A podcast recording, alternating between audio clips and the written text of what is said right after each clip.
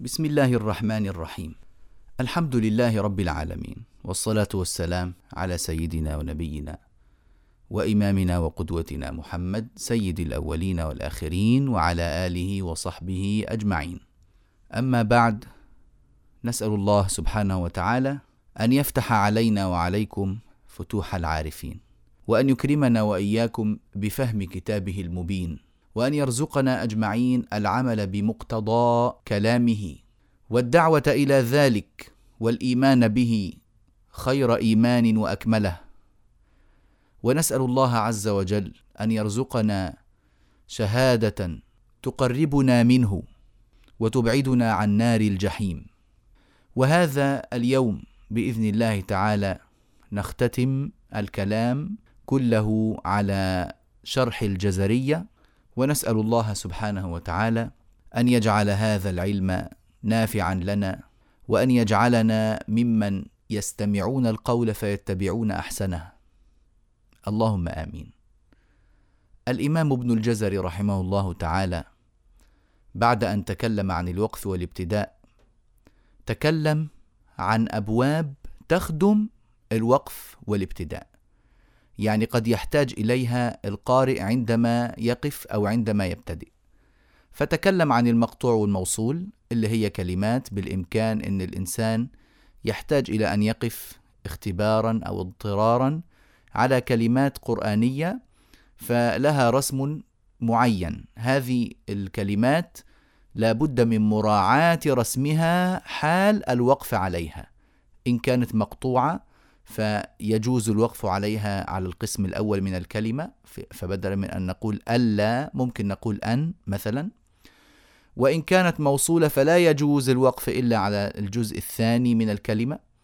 كذلك عقب بباب التاءات فذكر فيه الكلمات التي رسمت بالتاء المبسوطة في القرآن الكريم حتى الإنسان إذا اضطر وانقطع نفسه أو اختبر وسئل في آه، كلمة من الكلمات أن يقف عليها يعرف. إن كانت مكتوبة بالتاء المبسوطة فيوقف عليها بالتاء. فبدلا من أن أن يقول آه، وجنة يقول وجنت. فروح وريحان وجنت. كما آه، يذكر في هذه الأبواب. ثم ذكر لنا الناظم رحمه الله بابا عقده للابتداء. للابتداء.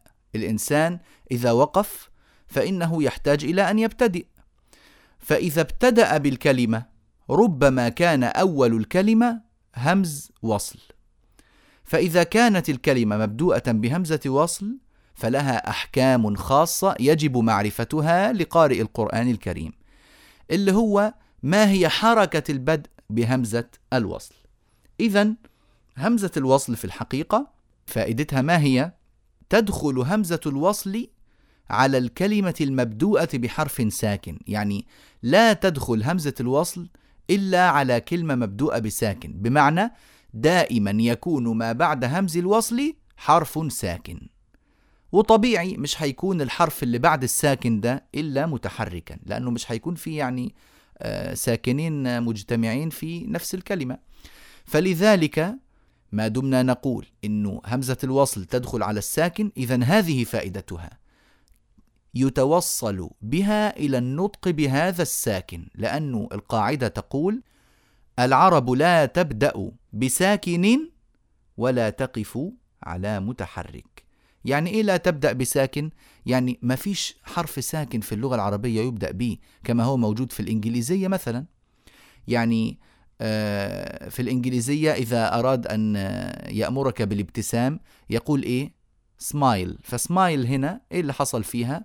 بدأنا بسين ساكنة. هذا في الإنجليزية وغيرها من اللغات. أما العربية لا يمكن أن آه، يبدأ فيها بحرف إيه؟ بحرف ساكن. لازم يكون الحرف متحرك. طيب هذا الحرف الساكن لما وجد ولا يجوز البدء به احتجنا إلى قنطرة توصلنا إلى هذا الحرف. إيه هي القنطرة دي؟ إيه هو الجسر الذي س من خلاله سنعبر لنصل إلى هذا الساكن؟ هو همزة الوصل. تمام؟ اذا قد استجلبوا همزة الوصل متمثلة في صورة الألف للتوصل للنطق بهذا الساكن. جميل. هذه الهمزة طبعا تثبت عند الاحتياج إليها فقط.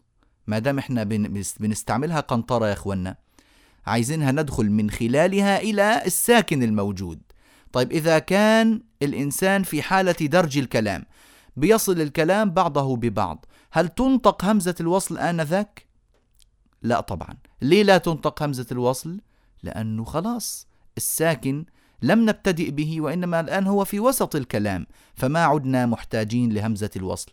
ولذلك من أحكامها أنها تثبت في حالة البدء وتسقط في حالة الدرج.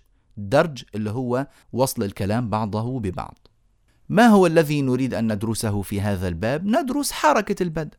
ما دام أنا سأبدأ بهمزة الوصل أبدأ بها مفتوحة ولا أبدأ بها مكسورة ولا أبدأ بها مضمومة؟ هذا هو محل الدرس. موضوع بسيط جدا جدا. ماذا يقول الإمام رحمه الله؟ يقول وابدأ بهمز الوصل من فعل بضم إن كان ثالث من الفعل يضم واكسره حال الكسر والفتح. وفي الأسماء غير اللام كسرها وفي ابن مع ابنة امرئ واثنين وامرأة واسم مع اثنتين. فهذه ثلاثة أبيات تجمع لنا كل أحكام همز الوصل. خلونا كده مع بعضنا أولا ندرس الأحكام عموما ثم نعود إلى الأبيات ونوضح الحكم من خلال ما شرحنا. يقول العلماء همزة الوصل إما أن تأتي في الأفعال أو تأتي في الأسماء أو أن تأتي في ال التعريف. يعني من الحروف ما فيش إلا ال التعريف فقط. فتأتي في الأفعال وتأتي في الأسماء وتأتي في ال كحرف من الحروف. خدوا مني كده وارتاحوا. في الأسماء دائما تكون مكسورة. وفي الحروف اللي هي ال طبعا دائما تكون مفتوحة. وأما في الأفعال فإنها تكون مكسورة. إلا إذا كان ثالث الفعل مضموما. هذه هي أحكام همز الوصل. مرة تانية. إذا همزة الوصل في ال التعريف تكون مفتوحة. دائما دائما. لا, لا يختل هذا الأمر. وفي الأسماء جميعا تكون مكسورة. وكذلك في الأفعال تكون مكسورة. إلا إذا كان ثالث الفعل مضموما. فإنها تضم. خلاص هذه هي الأحكام. تعالوا نأخذ أمثلة ونوضح ذلك. بالنسبة لي الحروف اللي هي آل التعريف طبعا أي كلمة في القرآن وفي اللغة مبدوءة بأل فهمزتها مفتوحة. نقول إيه؟ الأرض. نقول أيضا القرآن. نقول الإنسان. شايفين ال فتحنا الهمزة.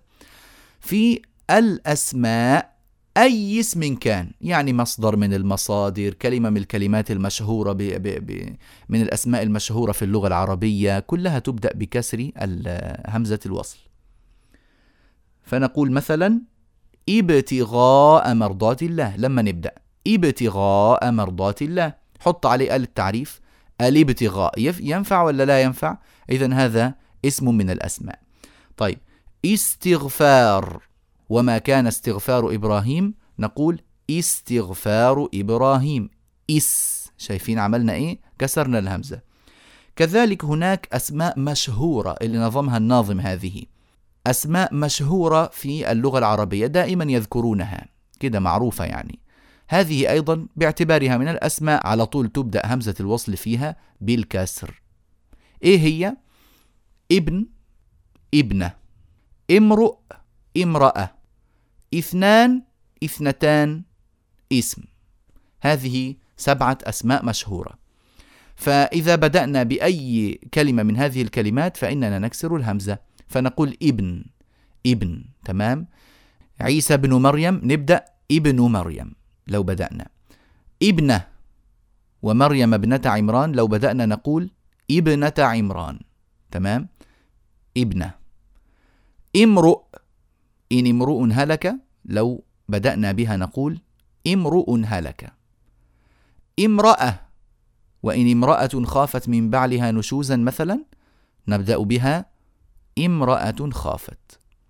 اثنان نبدأ بها أيضا بالكسر. مثلا اثنان ذوى عدل منكم. اثنتان فين اثنتان؟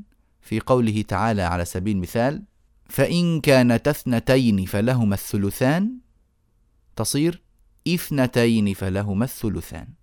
فهذا آه يعني اثنان واثنين واثنتان واثنتين لهما نفس الحكم طبعا. كذلك اسم. على سبيل المثال تبارك اسم ربك ذي الجلال والإكرام اسم ربك لو بدأنا بها. إذا هذا حكم همزة الوصل في الأسماء. طيب نأتي على الأفعال. الأفعال كمان بنبدأ بهمز الوصل فيها بالكسر.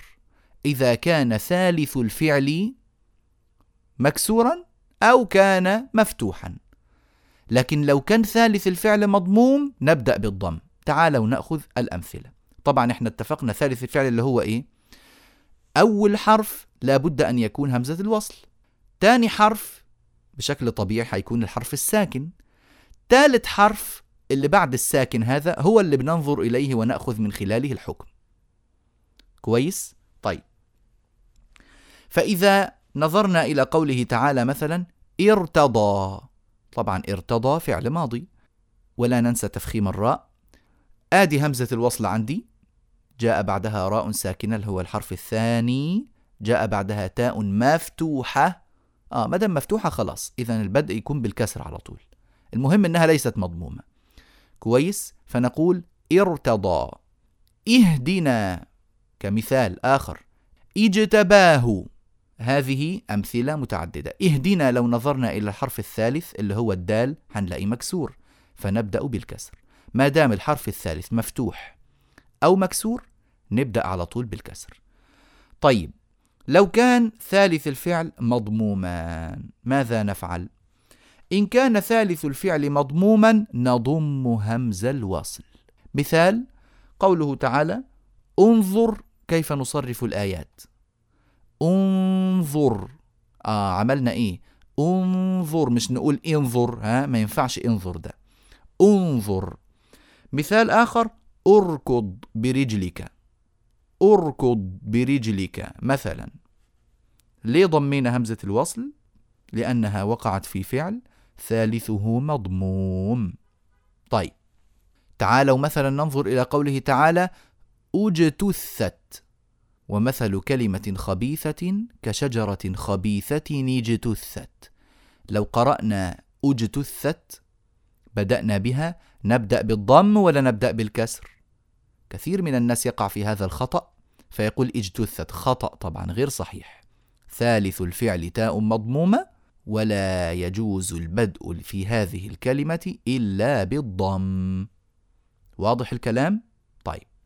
هل هناك شيء خرج عن هذه القواعد؟ أو أو خلونا نقول هل هناك قاعدة أخرى تحتاج إلى أن تذكر الآن؟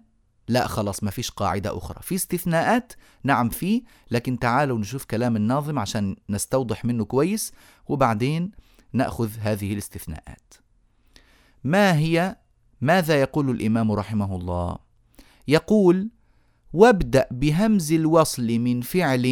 شوفوا كلمة من فعل يبقى كده إحنا محددينه من فعل. بضم إن كان ثالث من الفعل يضم. يبقى إذا كان ثالث الفعل مضموما أبدأ همزة الوصل بالضم. واضح جدا. قال واكسره. إيه هو ده اللي أكسره؟ اللي هو همز الوصل. واكسره. حال الكسر والفتح. الكسر والفتح اللي فين؟ اللي في ثالث الفعل. خلوا بالكم وأعيدوا الضمائر إلى مدلولاتها. واكسره اللي هو همز الوصل. حال الكسر والفتح في ثالث الفعل. فإذا كان ثالث الفعل مفتوحا أو مكسورا اللي هو غير الضم يعني فإننا نكسر همزة الوصل. إيه كمان؟ قال وفي الأسماء غير اللام كسرها. يعني وتكسر همزة الوصل في الأسماء إلا أن يكون الاسم مبدوءا بال التعريف. هو ده معنى قوله غير اللام يعني إلا لام التعريف يعني. مالها لم يذكرها مع الضم ولا ذكرها مع الكسر. إذا هيكون حكمها تلقائيا هو إيه؟ هو الفتح. وفي الأسماء غير اللام كسرها. فإن الأسماء تكسر إلا اللام. طبعا حتكون حكمها الفتح. قال وفي يعني وكذلك في الأسماء المشهورة السبعة الآتية ابن مع ابنة امرئ واثنين وامرأة واسم مع اثنتين. جميل الحمد لله. هذه هي آه الأحكام. طيب كنت بتقول في استدراك إيه هو؟ طيب هقول لكم عليه. هناك كلمات في القرآن الكريم ثالث الفعل فيها مضموم. ومع ذلك نبدأها بالكسر ليه؟ ما هي هذه الكلمات ولماذا؟ الكلمات هي امشوا واقضوا وابنوا وإيتوا وامضوا طبعا حناخد منها كلمة وامضوا هذه لم تأتي في القرآن إلا مع الواو هي وامضوا فمش ممكن نبدأ بهمزة الوصل فيها طبعا لكن إحنا بنفترض يعني لو بدأنا بهمز الوصل كيف نبدأ؟ لكن طبعا لا يجوز فصل آه، الواو ولا ال التعريف ولا كما ذكر الناظم في آخر باب المقطوع الموصول قال رحمه الله كذا من ال ويا وها لا تفصلي ال التعريف وياء النداء وهاء التنبيه لا تفصل عن الكلمة مع أنها يعني في الحقيقة هي مفصولة في المعنى لكنها موصولة في القرآن الكريم فلا يجوز قطع شيء موصول. نعم. إيه اللي حصل هنا في هذه الكلمات؟ شوفوا لما نقول امشوا وشوفوا لما نقول اركض. لما نقول اركض ونخاطب الجماعة نخليها إيه؟ اركضوا. طب خلوها واحد اركض. هو هو ثالث الفعل مضموم زي ما هو. لكن امشوا. إيه اللي حصل؟ في الواقع لو خاطبنا به شخصا واحدا منفردا نقول له إيه؟ نقول له امشي امشي. اذا حقيقة الفعل هنا أن ثالثه مكسور. اذا امشوا أصلها في الحقيقة امشيوا امشيوا هكذا. بشين مكسورة وبعدها ياء مضمومة وبعدين تأتي واو الجماعة. لكن هذا صعب وثقيل على اللسان. فإيه اللي حصل؟ أخذوا ضمة الياء في إمشيوا وحطوها نقلوها إلى الشين ثم حذفوا الياء فصارت إمشوا كذلك إقضوا في الحقيقة هي اقضيوا ابنوا في الحقيقة هي ابنيوا امضوا في الحقيقة هي امضيوا تمام؟ امشوا وأخواتها اللي هي امشوا واقضوا وابنوا وأتوا وامضوا. يعني في حال لو لو بدأنا في غير القرآن بكلمة وامضوا لأنها ما لم تأتي في القرآن إلا مقرونة بالواو. فماذا نفعل؟ تبقى الكلمات على أصلها. ثالثها في الحقيقة مكسور. فلذلك بدأناها بالكسر. عرفنا الله يكرمكم؟ جميل جدا. بعد ذلك جاء الإمام رحمه الله وجزاه عنا خيرا وشكر سعيه فختم نظمه بباب الوقف على أواخر الكلم. آه رجعنا تاني للوقف. يعني همزة الوصل بيستفاد منها في الابتداء بس. لكن رجعنا في فوائد متعلقة بالوقف والابتداء. المرة دي رجعنا إلى الوقف. ماذا يقول رحمه الله؟ يقول وحاذر الوقف بكل الحركة. يعني لا يجوز أيها القارئ أن تقف بحركة كاملة آبادا. يعني إيه؟ يعني يا سيدي الإمام لا يصلح أن أقول مثلا قل أعوذ برب الناس ملك الناس إله الناس لا يصلح هذا؟ لا يصلح أن أقول إياك نعبد وإياك نستعين. نعم لا يجوز. طبعا الآن إحنا لا نكاد نتكلم بالعربية الفصحى إلا وبنقف على آخر الكلمات بالإيه؟ بالحركة الكاملة. طبعا يعني إحنا بعيد العهد جدا بعصور الكلام السليم والصحيح ويعني الفصيح منا أعجمي سبحان الله. وإلا فلو كان يذكر لنا بعض مشايخنا عن كتاب سيبويه وهو بين أيدينا الكتاب موجود يعني. كتاب سيبويه في النحو.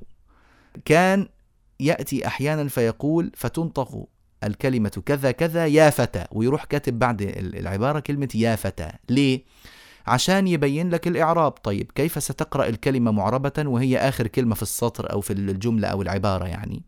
فبيحط لك بعدها كلمة يا فتى عشان توصل الكلام بعضه ببعض فيتبين لك الإعراب. المهم أنه القاعدة العربية تقول العرب لا يبدأون بساكن ولا يقفون بالحركة. يعني مش ممكن نبدأ بساكن ولا ممكن نقف بحركة كاملة. طيب أنا والله بقرأ الآية وأريد أن أبين للسامع حركة الحرف الموقوف عليه ما هو الحل؟ ماذا أفعل؟ الموضوع له حلول عند النحاة وله حلول عند القراء يعني كل اللي حنقوله الآن مما يفعله القراء يجوز في اللغة ويجوز في النحو وعند النحاة أوجه تزيد أيضا على ما نقله القراء لكن طبعا لا تجوز بالنسبة لنا أن نأخذ بها. إحنا مرتبطين بإيه؟ مرتبطين بالرواية مش مرتبطين باللغة وخلاص. يعني ما صح لغة لا قد لا يصح قرآنا لكن كل ما صح قرآنا لا بد أن يكون قد صح لغة. طيب أنا حابب أبين حركة الحرف الموقوف عليه ماذا أفعل؟ يساعدنا الناظم رحمه الله فيقول إلا إذا رمت. يعني أردت أن تبين شيئا من الحركة. يقول فبعض الحركة بعض الحركة. طيب الأصل في الوقف السكون. لازم كده القاعدة دي تكون محفوظة في الأذهان معروفة. الأصل في الوقف السكون. دائما الأصل في الوقف أن يكون الحرف الأخير ساكنا. جميل. طيب إيه هي الوسائل اللي ممكن نستفيد من منها في بيان حركة الحرف الموقوف عليه؟ عندنا الروم وعندنا الإشمام وعندنا هاء السكت. كلها وسائل ممكن نستفيد منها. طبعا بالقواعد والضوابط والشروط والقوانين اللي هي موضوعة عند السادة القراء اللي لا يجوز الخروج عنها ولا العدول عنها إلى غيرها. ما هو الروم؟ الروم بكل بساطة الإتيان بثلث الحركة. مش نأتي بالحركة كاملة أو بنصف الحركة. وهنا والله لا بد أن أقف وأسجل شكري وامتناني للقراء الذين نقلوا إلينا هذا الكتاب العظيم. طبعا كل هذا من حفظ الله عز وجل لكتابه. يا إخوة يا أخوات نحن نتكلم اليوم نصف لكم الآن ثلث الحركة. وبنقول ما ينفعش يكونوا ثلثين لأن الثلثين مصطلح آخر اسمه الاختلاس. ولا ينفع تكون حركة كاملة. شوفوا يعني القراء ضبطوا من لدن رسول الله صلى الله عليه وسلم إلى اليوم ضبطوا أبعاد الحركة. وهذا مقدار مسموع يعني شيء يسمع بالأذن. يعني نتعجب منه. ونتعجب أكثر عندما ضبطوا لنا ما لا تسمعه الأذن النفس. النفس يا أخوانا. لما كانوا يقولون هنا يجوز الوقف وهنا لا يجوز إلا السكت. يعني الوقف والسكت إيه الفرق بينهم غير نفس صغير خفيف يدخل في الأنف مضبوط بعناية وحرص وقوة وإتقان؟ مستحيل أن نجد ذلك في كتاب آخر غير كتاب الله عز وجل. ثم يأتينا المتشدقون والمتعجرفون ويقولون إن هناك سور في القرآن الكريم آه، ساقطة أو ضائعة أو القرآن كتب بعد وفاة النبي صلى الله عليه وسلم. ولا شك أنه قد ضاع منه أشياء. وناس يقولون إنه آه، الاعتماد كان على حفظ الصدور. وناس يقولون إيه بتقولوا إيه يا اخوانا ماذا تقولون أنتم؟ نحن نعرف في كتاب الله عز وجل الأنفاس الأنفاس. نعرف في كتاب الله عز وجل ثلث الحركة ونعرف في كتاب الله تعالى ثلثي الحركة ونعرف الحركة الكاملة مين اللي بيتشدق علينا ويتعجرف؟ ولا يقدر لكتاب الله تعالى قدره ويروح يقول إنه قد يكون سقط من كتاب الله سور ولا آيات. ما هذا الهراء والكلام الفارغ اللي لا قيمة له قيمته صفر. بل الصفر له قيمة هذا الكلام لا قيمة له. سبحان الله العظيم. وهذا لا يشكر عليه حق الشكر إلا الله عز وجل الذي أتم علينا نعمته فحفظ لنا كتابه المبين. والله لو الموضوع موكول إلينا إلي وإليكم يا إخوة كان ضاع مننا القرآن الكريم. لكن هذا بحفظ الله عز وجل محفوظ بحفظ الله. عشان كده اللي يخدم كتاب الله عز وجل لا يظن اطلاقا ان هو تفضل على كتاب الله في يوم من الأيام. أو يظن مثلا أنه قد أسهم بخدمة جليلة وأنه من غيره كان الإسلام ضاع ولا كان القرآن الكريم ضاع ولا كان المسيرة اختلفت ولا اختلت ولا تأثرت إطلاقا. أنت السعيد بانتسابك لكتاب الله تعالى. أنت المحظوظ بخدمتك لكلام الله تعالى. أنت من غير ما تبذل وسعا في ذلك. اختارك الله واصطفاك لخدمة الكتاب المبين. فاحمد الله واعلم أنك مصطفى لذلك مختار له. ولست عبارة عن شخص يبذل جهده ووسعه من تلقاء نفسه. لا إله إلا الله. الله عز وجل قادر على أن يطردنا عن هذا الكتاب المبين وعن باب خدمة دينه في لمح البصر. لا الواحد قلبه تغير. لا حول ولا قوة إلا بالله. فنسأل الله عز وجل ألا يستبدلنا أن يستعملنا وألا يستبدلنا لأنه إحنا الكسبانين. مش كتاب الله عز وجل مش هذا الإسلام مش هذا الدين العظيم. لا لا لا. إحنا اللي كسبانين. وإن تتولوا يستبدل قوما غيركم ثم لا يكونوا أمثالكم. يعني موضوع لا يحتاج منا إلى كثير تفكير وتأمل وبحث ومقارنة. هل أنا أضفت للقرآن؟ هل أنا أضفت للدين؟ ما في أحد يضيف. كلنا يضاف إليه. فنسأل الله عز وجل ألا يقطعنا عن كتابه العظيم بقاطع ابدا. وألا يحجبنا عن بابه ولا كتابه ولا رحابه بحاجب أبدا وأن يلطف بنا وبقلوبنا فيما جرت به المقادير. اللهم آمين. اذا نعود إلى الروم. الإمام رحمه الله بيقول لنا طرق الوقف. نقول عندنا الروم وعندنا الإشمام. إيه هو الروم وإيه هو الإشمام؟ الروم هو الإتيان بثلث الحركة. يسمعه القريب المنصت ولا يسمعه البعيد. إحنا اليوم بنقول القريب المنصت يعني القريب المنصت لمصدر الصوت. إنما مش القريب من القارئ لأن اليوم أنتم أبعد الناس عني في المكان. لكنكم أقرب الناس استماعا لصوتي لأنه اليوم أصبحنا نسمع من السماعات. فالقريب من السماعة يسمع الروم كويس. البعيد عنها لا يسمع كويس. إذا يسمعه القريب المنصت ولا يسمعه البعيد. ويدخل في الضم والكسر فقط ولا يدخل في الفتح. إنما الإشمام هو عبارة عن ضم الشفتين بعيدة مش بنقول بعد بعيدة يعني مباشرة مجرد ما أنا سكنت الحرف المضموم ما آخره ضمة. إذا وقفت عليه أقف عليه بالسكون المحض سكون عادي جدا ثم مباشرة أضم شفتي بعد النطق. كويس؟ بعيد إسكان الحرف. يدركه المبصر. اللي يشوف بعينه يدرك هذا. لكن اللي لا يرى بعينه لا يستطيع أن يدركه. إذا ده دليل على إيه يعني؟ دليل على إنه هيئة. وليس صوتا إطلاقا. ملوش أي أثر في السمع. جميل؟ ماذا يقول الإمام؟ إلا إذا رمت فبعض الحركة. فأتي ببعض الحركة. كم البعض اللي قلنا عليه؟ ثلث فقط.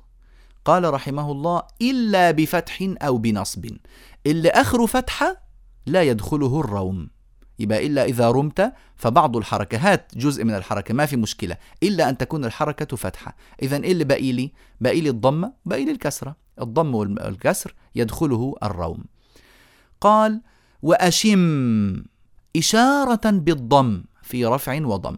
وأشم يعني ائتي بالإشمام. هو بيشير إلى آه الإشمام مصطلح الإشمام. الإشمام يقول إشارة بالضم. إشارة إذا هو ملوش صوت إنما هو هيئة فقط بالفم. كأن الإنسان ينطق واوا. وهو بينطق الواو لكن بدون صوت إطلاقا. هيئة فقط في الشفتين. إشارة بالضم. فين؟ في رفع وضم. ما هو طبعا الإشارة هتكون إشارة بالضم فمعقول هعمل يعني آه، أضم شفتي والحرف الأخير مفتوح مثلا ولا مكسور؟ يعني شيء بالعقل كده يعرف ويفهم بسهولة. إشارة بالضم في رفع وضم. هذا هو الروم وهذا هو الإشمام. الناظم رحمه الله اكتفى بهذا المقدار. إنما الحقيقة في عندنا أمور كثيرة لابد أن نشير إليها وننبه عليها في الروم والإشمام لابد من ذكرها. سنذكرها لكم الآن إن شاء الله تعالى. بالنسبة للروم كيف ينطق؟ وكيف هو صوته؟ صوته كما قلت لكم صوت خفيف. خفض الصوت والإتيان بثلث الحركة فقط. يدخل فيما آخره ضمة وما آخره كسرة. طبعا سواء كانت الضمة علامة إعراب ولا كانت علامة بناء والكسرة أيضا علامة إعراب ولا كانت علامة بناء مش مشكلة. المهم يعني أن الحرف الأخير تحت كسرة أو فوقه ضمة. هذا مباشرة يقبل الروم. مثال تعالوا نأخذ سورة الفاتحة. قال الله تعالى بسم الله الرحمن الرحيم. هذه ميم مكسورة. كيف أقف عليها بالروم؟ أقف عليها بالروم هكذا.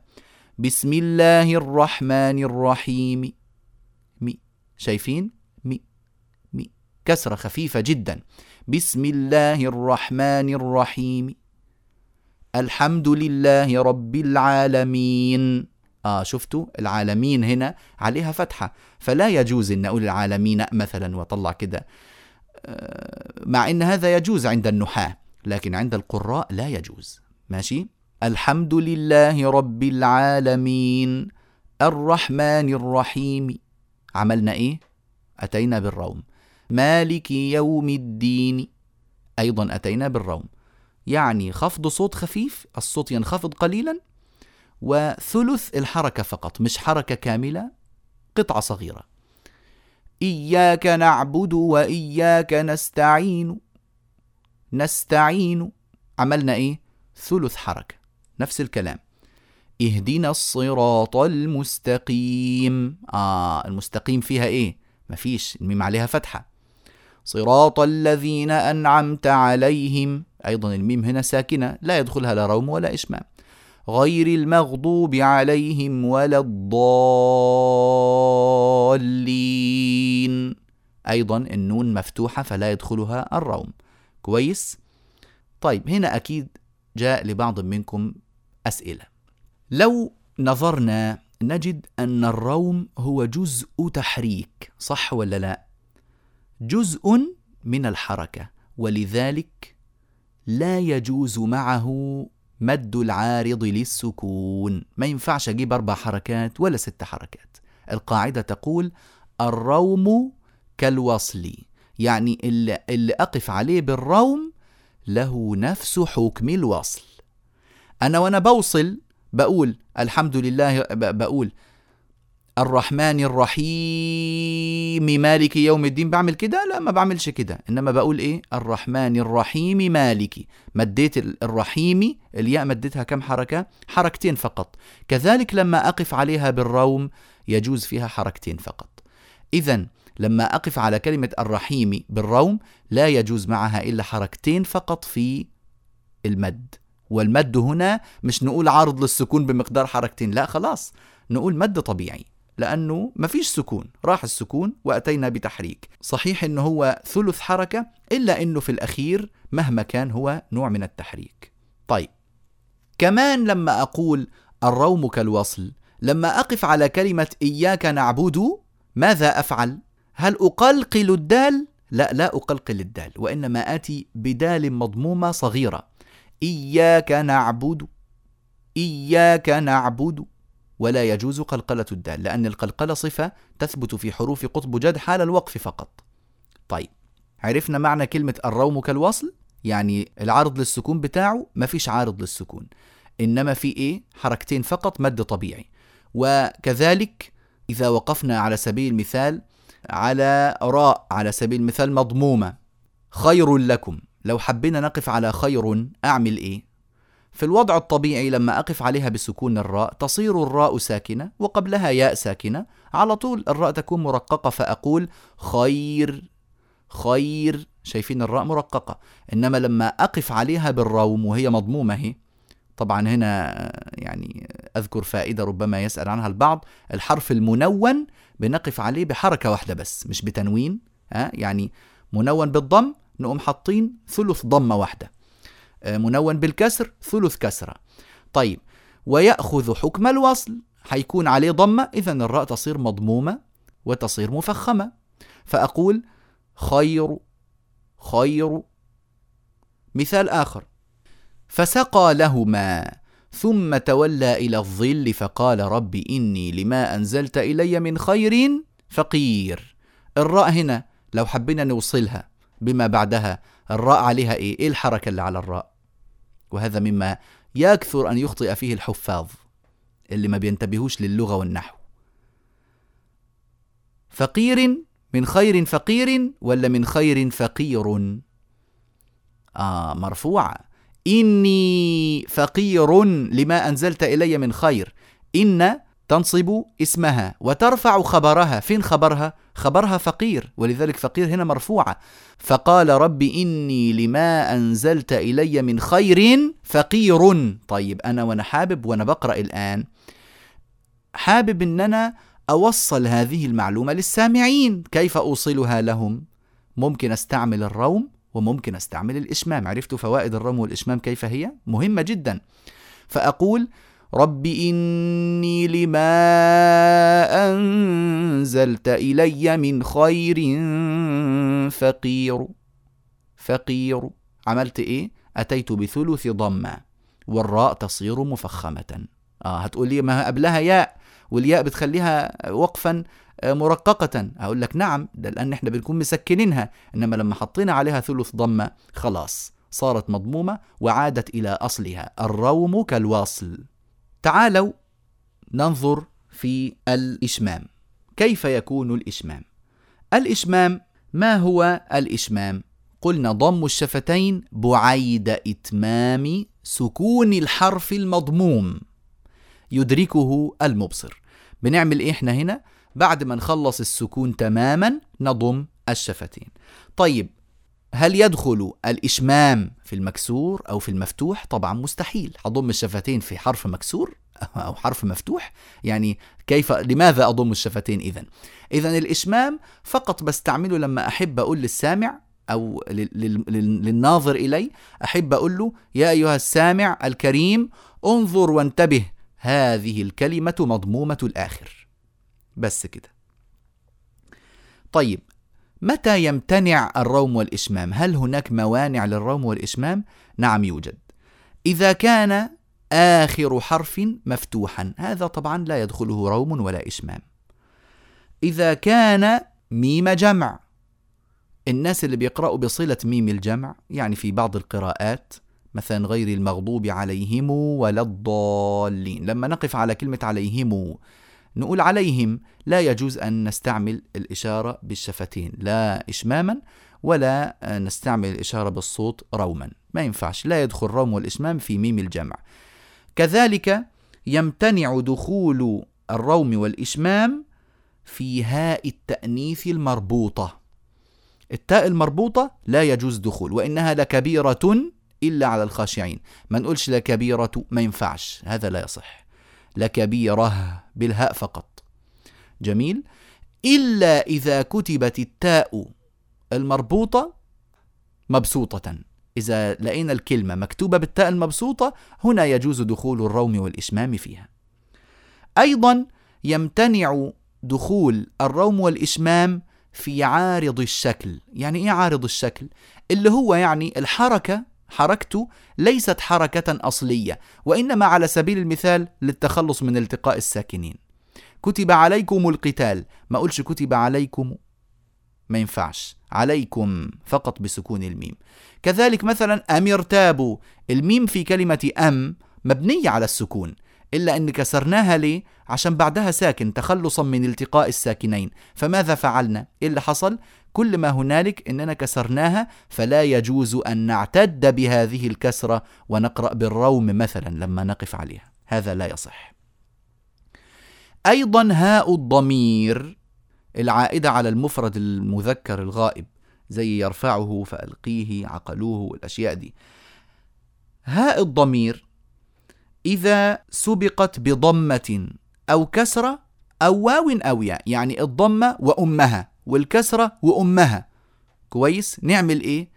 مباشرة لا يجوز لنا في هذه الحالات لا الروم ولا الإشمام. طيب لو سبقت بألف أو بفتحة أو بسكون يجوز فيها الروم والإشمام.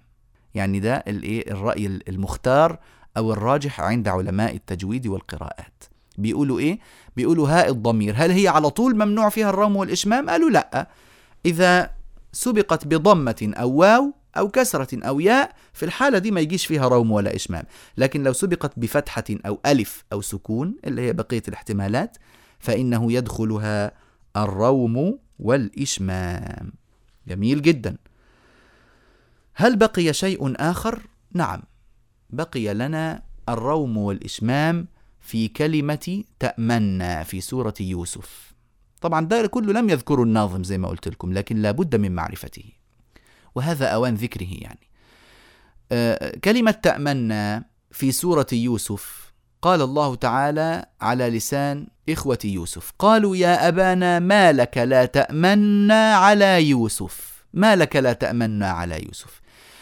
في الواقع هذه الكلمة في الأصل اللغوي ما لك لا تأمننا على يوسف اللي أدغم النون في النون. يعني ما فيش النون مش مجزومة النون مرفوعة. ما لك لا تأمننا على يوسف لكن لأننا نجد ميما بعدها نون بعدها نون ثالثة. شوف ميم ونون ونون ثلاثة حروف كلها من الخيشوم. ومش كده بس الحروف الثلاثة متحركة. وتوالي الحركات في لغة العرب فيه صعوبة. بيقوموا العرب يعملوا إيه؟ يمشوا حالهم كده ويختلسوا بعضه. وهذا هو الذي حدث. أتوا على النون الأولى فاختلسوا ضمتها. فبدلا من أن يقولوا تأمننا خلوها تأمننا تأمننا. عملوا إيه يعني؟ خفضوا الصوت مع الإسراع فيه. بنجيب ثلثي الحركة. خفض الصوت مع الإسراع فيه. ما لك لا تأمننا ما لك لا تأمننا. فقط النون هي اللي بينخفض فيها الصوت. النون الأولى. إنما الميم والنون الثانية ما فيها أي شيء. مرة تانية. ما لك لا تأمننا ما لك لا تأمننا. طيب. دي طريقة. الطريقة دي اسمها الاختلاس. أو اسمها الروم ما في إشكال. ممكن تسموها كده أو كده ما في فرق. كله صحيح عند القراء. المهم أنه نخفض الصوت مع الإسراع فيه. خفض الصوت مع الإسراع فيه. فلا يوجد إدغام. مفيش النون مد... الأولى مظهرة والثانية مظهرة. ما أدغمنا النونين في بعضهما. خلاص كده في هذه الحالة انعدم الإدغام إلا أن النون جاءت سريعة. حقيقة لا يمكن ضبط هذا الحكم إلا بالمشافهة. لازم يسمع مرات وكرات من كل شخص على حدة على شيخ متقن مجيد تلقاها عن شيخه لحد ما يعرفها كويس ويتقنها. إنما مجرد الاستماع غير كافي. إحنا بنحاول نوصل المعلومة على قدر ما نستطيع لكن طبعا مش ممكن أن تغني الأدوات اللي بين إيدينا عن التلقي والمشافهة المباشرة. ما أجد حتى الآن طريقة كافية. هل هناك طريقة ثانية؟ آه في طريقة تانية. إيه الطريقة التانية؟ الطريقة التانية إن إحنا ندغم النونين في بعضهما. لكن في الحالة دي كأن الفعل صار مجزوما. فكيف ندل على أن النون هذه أصلا مضمومة وليست ساكنة؟ احتجنا إلى استعمال الإشمام. فنأتي بالإشمام. كيف؟ أدغم النون الأولى في النون الثانية وأجعل الشفتين مضمومتين طول زمن الغنة. فأقول ما لك لا تأمنا على يوسف. ما لك لا تأمنا على يوسف. طول زمن الغنة الشفتين مضمومتين من أول النون إلى آخرها. وممكن يجوز عند القراء أيضا أن آتي بنون قصيرة جدا ساكنة ثم أضم يعني آتي بالنون الساكنة ثم أضم الشفتين مباشرة بعد أن أبدأ. ما لك لا تأمن هذا القسم الأول. وبعدين هذا بدون ضم الشفتين أهي جبت النون لكني مش مضمومة الشفتين. وبعدين النون المغنونة ومع ضم الشفتين هنا. وبعدين القسم الثالث نا. تأمن. نا. تأمن من غير ضم شفتين. مع ضم شفتين. نا من غير ضم الشفتين كويس. هذا بالنسبة لإيه؟ للإشمام في تأمنا طيب الناس اللي بيقرأوا فيقولون تأمنا من غير لا روم ولا إشمام. نقول لهم أخطأتم وأتيتم بما لا يجوز على رواية حفص عن عاصم. هل في حد من القراء العشرة عمل كده؟ أيوة في أبو جعفر المدني قرأ بهذا. فيجوز قراءته لمن تلقاه إنما اللي لم يتلقاه ولم يتعلمه وبيقرأ برواية ما يقعدش يخلط بين الروايات يتعلم كويس الحكم وبعدين إيه؟ يمشي إن شاء الله. لما يعجز ويغلب وخلاص يبذل كل وسعه وما فيش فايدة ممكن بقى نبقى نمشيه على يعني قراءة أبي جعفر ونسمح له بشرط أن يكون أخذ هذا من من تلقاه. مش كده واخده من من من غير مصدر. ثم قال رحمه الله رحمة واسعة وقد تقضى نظمي المقدمة. يعني إيه تقضى؟ يعني انتهى وانقضى وتم. وقد تقضى نظمي المقدمة نظمي المسمى المقدمة. مني لقارئ القرآن تقدمة يعني هو تقدمة وهدية مني لقارئ القرآن. والحمد لله لها ختام ثم الصلاة بعد والسلام. يعني كما بدأ بالحمد والصلاة ختمها بالحمد والصلاة والتسليم. والحمد لله لها ختام ثم الصلاة بعد والسلام. اللي أنا قلت الآن هو ما قاله ابن الجزري. في ناس أضافوا بيتين بيت قبل البيت الأخير وبيت بعد البيت الأخير. البيت اللي قبل البيت الأخير بعد قوله مني لقارئ القرآن تقديمة قالوا أبياتها يعني أبيات النظم قاف وزاي في العدد. من يحسن التجويد يظفر بالرشد. قاف وزاي في العدد يعني عدد أبيات النظم قاف وزاي. إيه قاف وزاي دي؟ يعني قز حرير يعني دود القز اللي بيطلع حرير؟ لا طبعا. قاف وزاي يعني مئة وسبعة. نعم إيه مئة وسبعة دي؟ يعني فين المية وفين السبعة؟ هو في حد جاب سيرة أرقام الآن؟ نعم يا إخوة ويا أخوات. هذا اسمه حساب الجمل بتشديد الميم كده. حساب الإيه؟ الجمل كان يستعمل من قبل الإسلام وما زال إلى اليوم يستعمل إيه هو حساب الجمل؟ مقابلة الأعداد بالحروف مثال يعني إيه يعني إزاي؟ وضح لنا شوفوا يا أخوانا إحنا عارفين إن, إن الكلمات أبجد هوز حطي كلم إلى آخره دي اسمها الحروف الأبجدية فهم بيعملوا إيه؟ بياخدوا الألف من أبجد ويعتبروها برقم واحد.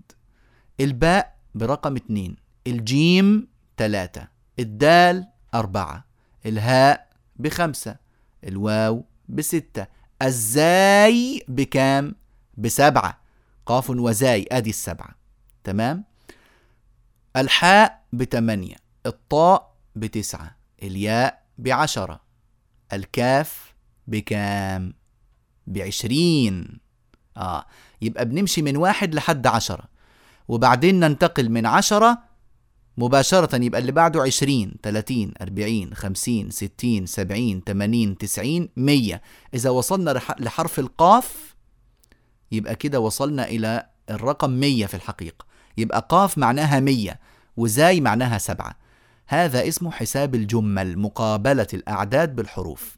طيب أبجد هوز حطي كلم هذا متفق عليه. بارك الله فيكم. بين المشارقة والمغاربة. ثم يختلف المشارقة مع المغاربة. فالمغاربة يقولون أبجد هوز حطي كلم صعفض قرست. ثخذ ظغش. هذا اسمه ترتيب المغاربة. المغاربة بيرتبوا حروف أبجد هوز بهذا الشكل. بينما شوفوا المشارقة أبجد هوز حطي كلم سعفض قرشت ثخذ ضظغ فاحنا نشوف الـ الـ الإمام اللي بي بيألف ما هو طريقة نظمها هل هو من علماء المشارقة أم من علماء المغاربة؟ وبناء عليه نستطيع أن نعرف إيه-, إيه هو العدد المستخدم. فأبجد هوز حطي كلم. شايفين؟ عدوا. أبجد أربع حروف واحد اثنين ثلاثة أربعة. هوز ثلاثة خمسة ستة سبعة. حطي ثلاثة 8 9 10 اذا الياء بكام؟ ب 10 الكاف ب 20 اللام بكام؟ ب 30 الميم 40 النون 50 هذا متفق عليه. الحد ال 50 متفق عليه. الصاد ب 60 العين ب 70 الفاء ب 80 الضاد ب 90 القاف بكام؟ ب 100 برضه القاف متفق عليها. تمام؟ آآ آآ الراء بكام؟ تبقى ب 200 السين 300 التاء ربعمية الثاء خمسمية الخاء ستمية الذال سبعمية الضاء تمنمية الغين تسعمية الشين ألف. كويس؟ العد المشرقي أبجد هوز حطي كلم عرفناها وبعدين يتغير. السين تبقى بكام؟ بستين والعين سبعين والفاء ب 80 والضاد ب 90 والقاف ب 100 والراء ب 200 والشين ب 300 والتاء ب 400 والثاء ب 500 الخاء ب 600 الذال ب 700 الضاد ب 800 الظاء ب 900 الغين ب 1000 كويس؟ طبعا بيستعمل هذا الحساب في أشياء كثيرة. في ناس يقول لك استعمال هذا الحساب حرام. ليه يا جماعة حرام؟ قال لك لأنه يستخدمه السحرة. والمنجمون. أيوة من استخداماته اللي بيستخدموه السحرة والمنجمين بيستخدموه. لذكر الأعداد. يعني بيحولوا بدل ما يكتبوا أرقام وكذا ممكن يكتبوا حروف وممكن يكتبوا أرقام. يعني يستخدمونه هم مش لأنه مختص بهم لا هو يعني عد معروف موجود من كان يعد به اليهود من قبل الإسلام أصلا. فيجوز استخدامه ولا آه، خطأ في ذلك. وقد استعمله العلماء من آه، من أي من من أيام السلف. بقول لكم من قبل الإسلام موجود. استعمله العلماء قديما وحديثا في جميع العصور وكافة العصور استعمله العلماء. عشان كده لابد أن نعرفه عشان أحيانا ممكن نجد. نعم الناس الذين درسوا تحفة الأطفال في علم التجويد يقول الشيخ الجمزوري رحمه الله في آخر التحفة أبياتها ند بدا لذنها تاريخها بشرى لمن يتقنها. خد كلمة بشرى لمن يتقنها. شوفوا أنا بقول لكم في إيه فايدته. ممكن تعمل بيه عبارات جميلة جدا. بشرى لمن يتقنها. لمها على بعضها تطلع مش عارف ألف مية وكام من, من الهجرة. آه كمان ند بدا لموها على بعضها. ممكن الحرف يتكرر فيتكرر العدد. تمام؟ يعني ند الدال جاءت هنا مرة آه بأربعة وجاءت في بدأ بأربعة يبقى أربعة وأربعة كمان. يعني مش نقول خلاص مرة حسبنا الدال مش هنحسبها مرة تانية. معلش أنا أسهبت شوية في حساب الجمل لأنه ناس كتير عايزة تفهمه وملوش مصادر مشهورة كده الواحد بسهولة يتعرف عليها في من خلال الإنترنت. فيعني فرصة أن نذكره معلش. فهكذا يعرف. ومن عجيب ما سمعته فيه مرة آه، شيخنا الشيخ أيمن سويد الله يحفظه ويكرمه. كان له أحد المشرفين على رسالته. تعلم منه كثيرا من التحقيق والضبط كيف يضبط النصوص وكيف آه، يعني مناهج التحقيق ومناهج الضبط والتأليف. اللي هو الدكتور محمود محمد الطناحي رحمة الله تعالى عليه. فتوفي سنة 1419 آه، فيما أذكر. نعم. فرثاه بأبيات قصيرة فقال حفظه الله في آخرها وعام وفاتك أرخته أو وعام وفاتك أرخته بنيل الطناحي لحسن الختام لو حطيت كلمة أو عبارة نيل الطناحي لحسن الختام تطلع السنة اللي توفي فيها. ففي يعني عجائب يعني في في استعمال هذا. وفتوحات جميلة جدا. فهذا هو آخر ما ذكره الإمام رحمه الله تعالى. البيت الزائد الثاني اللي قلت لكم عليه بعد البيت الأخير عندما يقول ثم الصلاة بعد والسلام على النبي المصطفى وآله وصحبه وتابعي من واله. إذا بيت أبياتها قاف وزاي في العدد وبيت على النبي المصطفى وآله البيتين دول لم يضعهما ابن الجزري إنما هي زيادة من بعض العلماء عشان يعني يتمموا بها المعنى.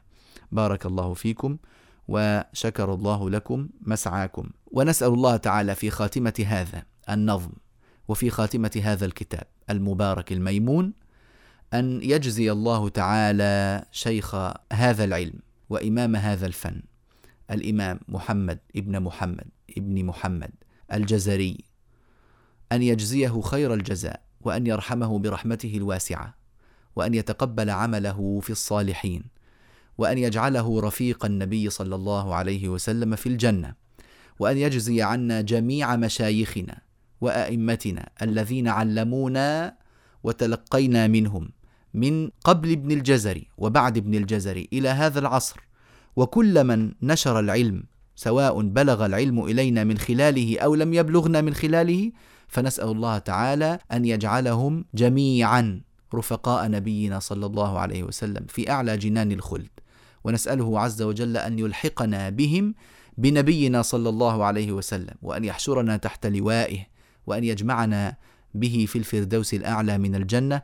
إنه تعالى جواد كريم. تقبل الله منا ومنكم والحمد لله رب العالمين وصلى الله وسلم وبارك على عبده ونبيه سيدنا محمد وآله وصحبه أجمعين.